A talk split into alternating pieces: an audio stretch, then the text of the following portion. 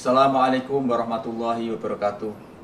Saya Muhajir Effendi, Menteri Koordinator Bidang Pembangunan Manusia dan Kebudayaan, menyampaikan selamat milad Persyarikatan Muhammadiyah yang ke-108 yang jatuh pada tanggal 18 November 2020 atau 3 Rabiul Akhir 1442 Hijriah dengan tema meneguhkan gerakan keagamaan hadapi pandemi dan masalah negeri, saya yakin Persyarikatan Muhammadiyah akan terus berkontribusi dan mencahayai perjalanan bangsa Indonesia menjadi bangsa besar dan berkemajuan.